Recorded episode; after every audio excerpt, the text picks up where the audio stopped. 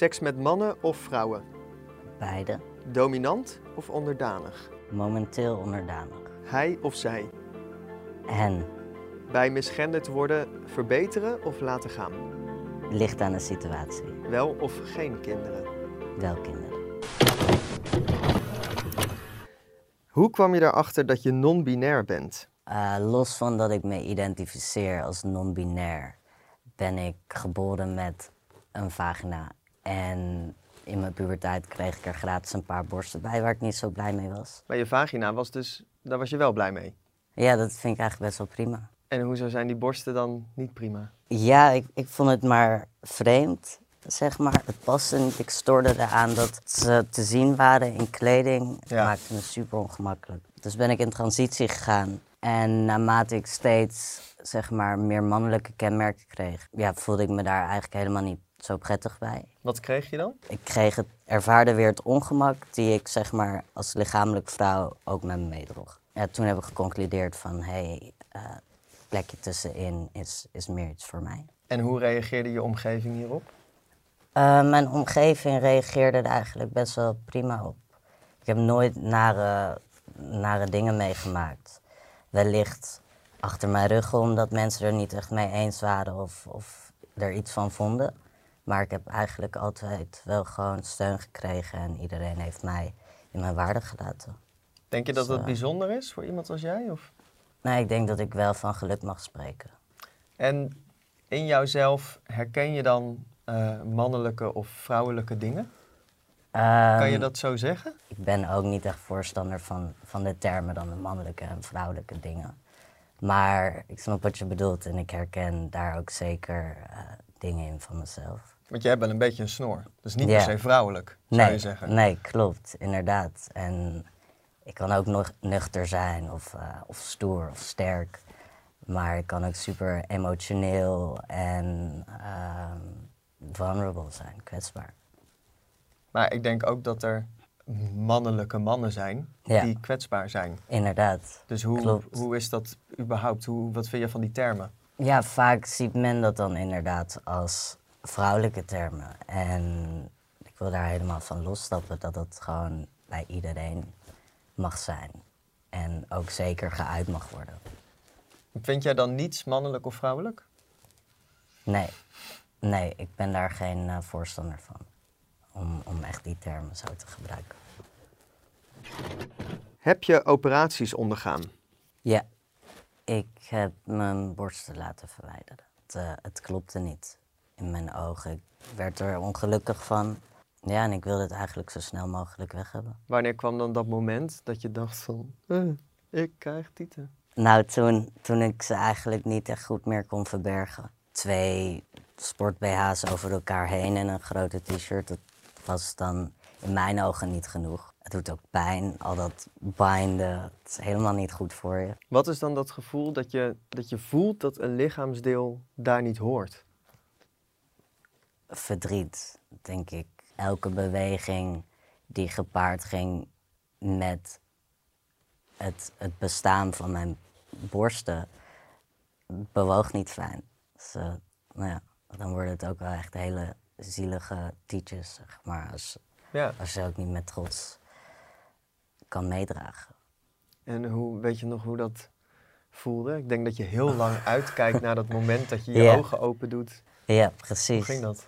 Ik was echt heel erg blij. Los van dat het nog helemaal bepakt zit, mocht ik wel eventjes kijken. Wat voel je dan? ineens heel veel geluk en eh, rust. Ja, ik kreeg gewoon los van de rust heel veel energie om het te laten zien aan iedereen. Ja.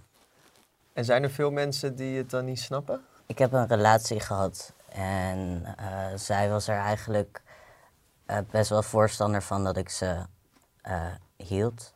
Daarbij heb ik de operatie ook een halfjaartje uitgesteld. Omdat zij eigenlijk zowel de lucht in prees. Zo van, oh maar ze zijn er seksueel wel. En ja, dat is eigenlijk dan wel een cadeautje. Want je kan ze ook verbergen. Dus eigenlijk een win-win, toch? Je, hebt- je hebt ze beide. Eh, borsten zijn wel gewoon heel erg mooi. Alleen bij mij niet. Ehm, dat vond ik dan. En de ander vond dat dan wel. Waardoor het dan toch een beetje stommig voelde om, om daar dan afstand van te doen. Dus daarbij vergat ik mijn eigen geluk. Maar als jij zegt dat je niks mannelijk of vrouwelijk kan vinden, dan Ja. zou je kunnen denken dat je die tieten gewoon kan laten zitten. Eigenlijk wel, klopt. Dus je vindt het toch wel vrouwelijk. Nee, ik vind borsten niet vrouwelijk, maar het past niet bij mij. Hoe word je het liefste aangesproken?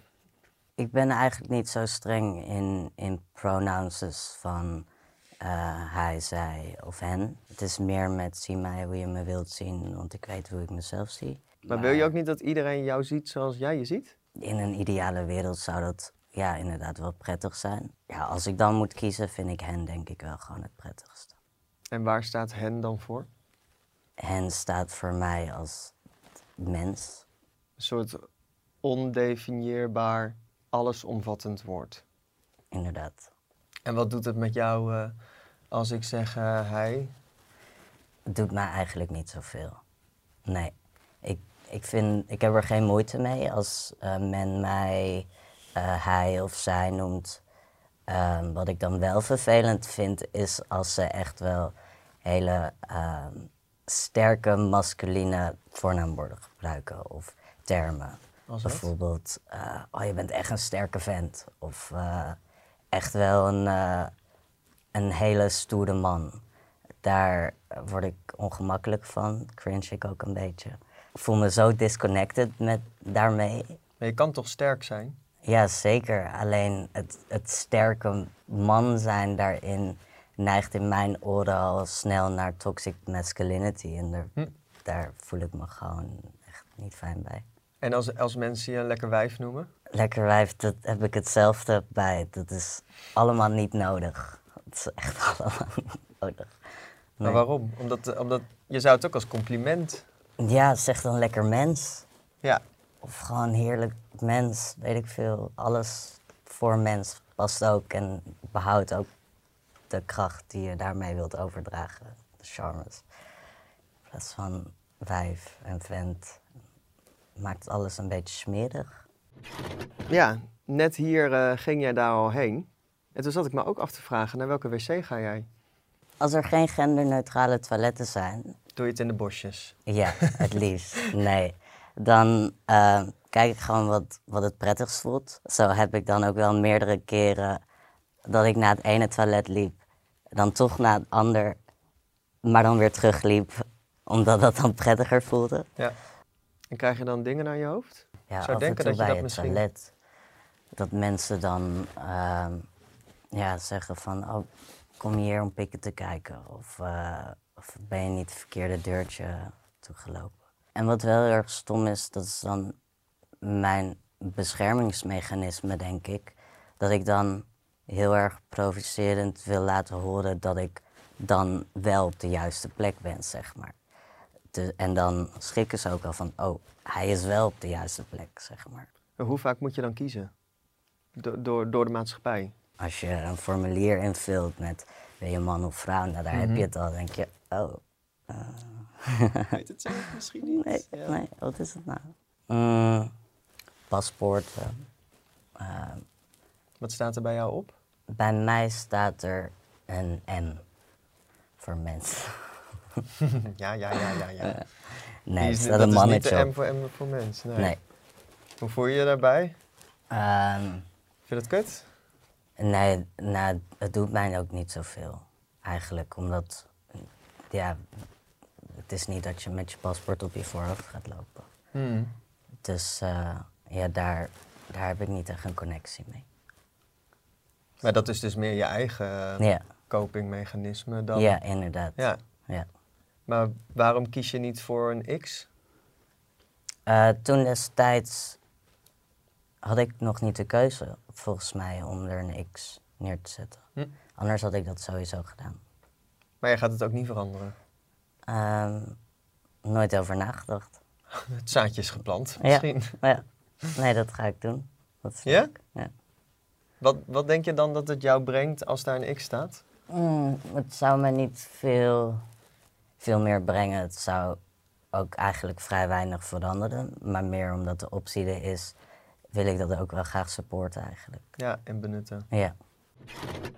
Hoe is het om te daten als non-binair? Ehm, ik heb eigenlijk nog nooit eh, gedate, zeg maar, sinds dat ik ja, me identificeer als non-binair. Maar als gewoon Sky heb ik gewoon heel veel communicatie nodig. En als je nieuwe mensen ontmoet, wanneer vind je het dan nodig om uit te leggen hoe jij in elkaar steekt? Ik wacht eigenlijk altijd af totdat die persoon eh, met vragen komt. Maar als ik merk dat die persoon dat niet durft of eh, het lastig vindt om vragen te stellen, dan geef ik aan met hoe ik mezelf zie. Ja, wat ik altijd zei is, ik ben Sky, zie me hoe je me wilt zien. Eh, Want ik vind het prima zo.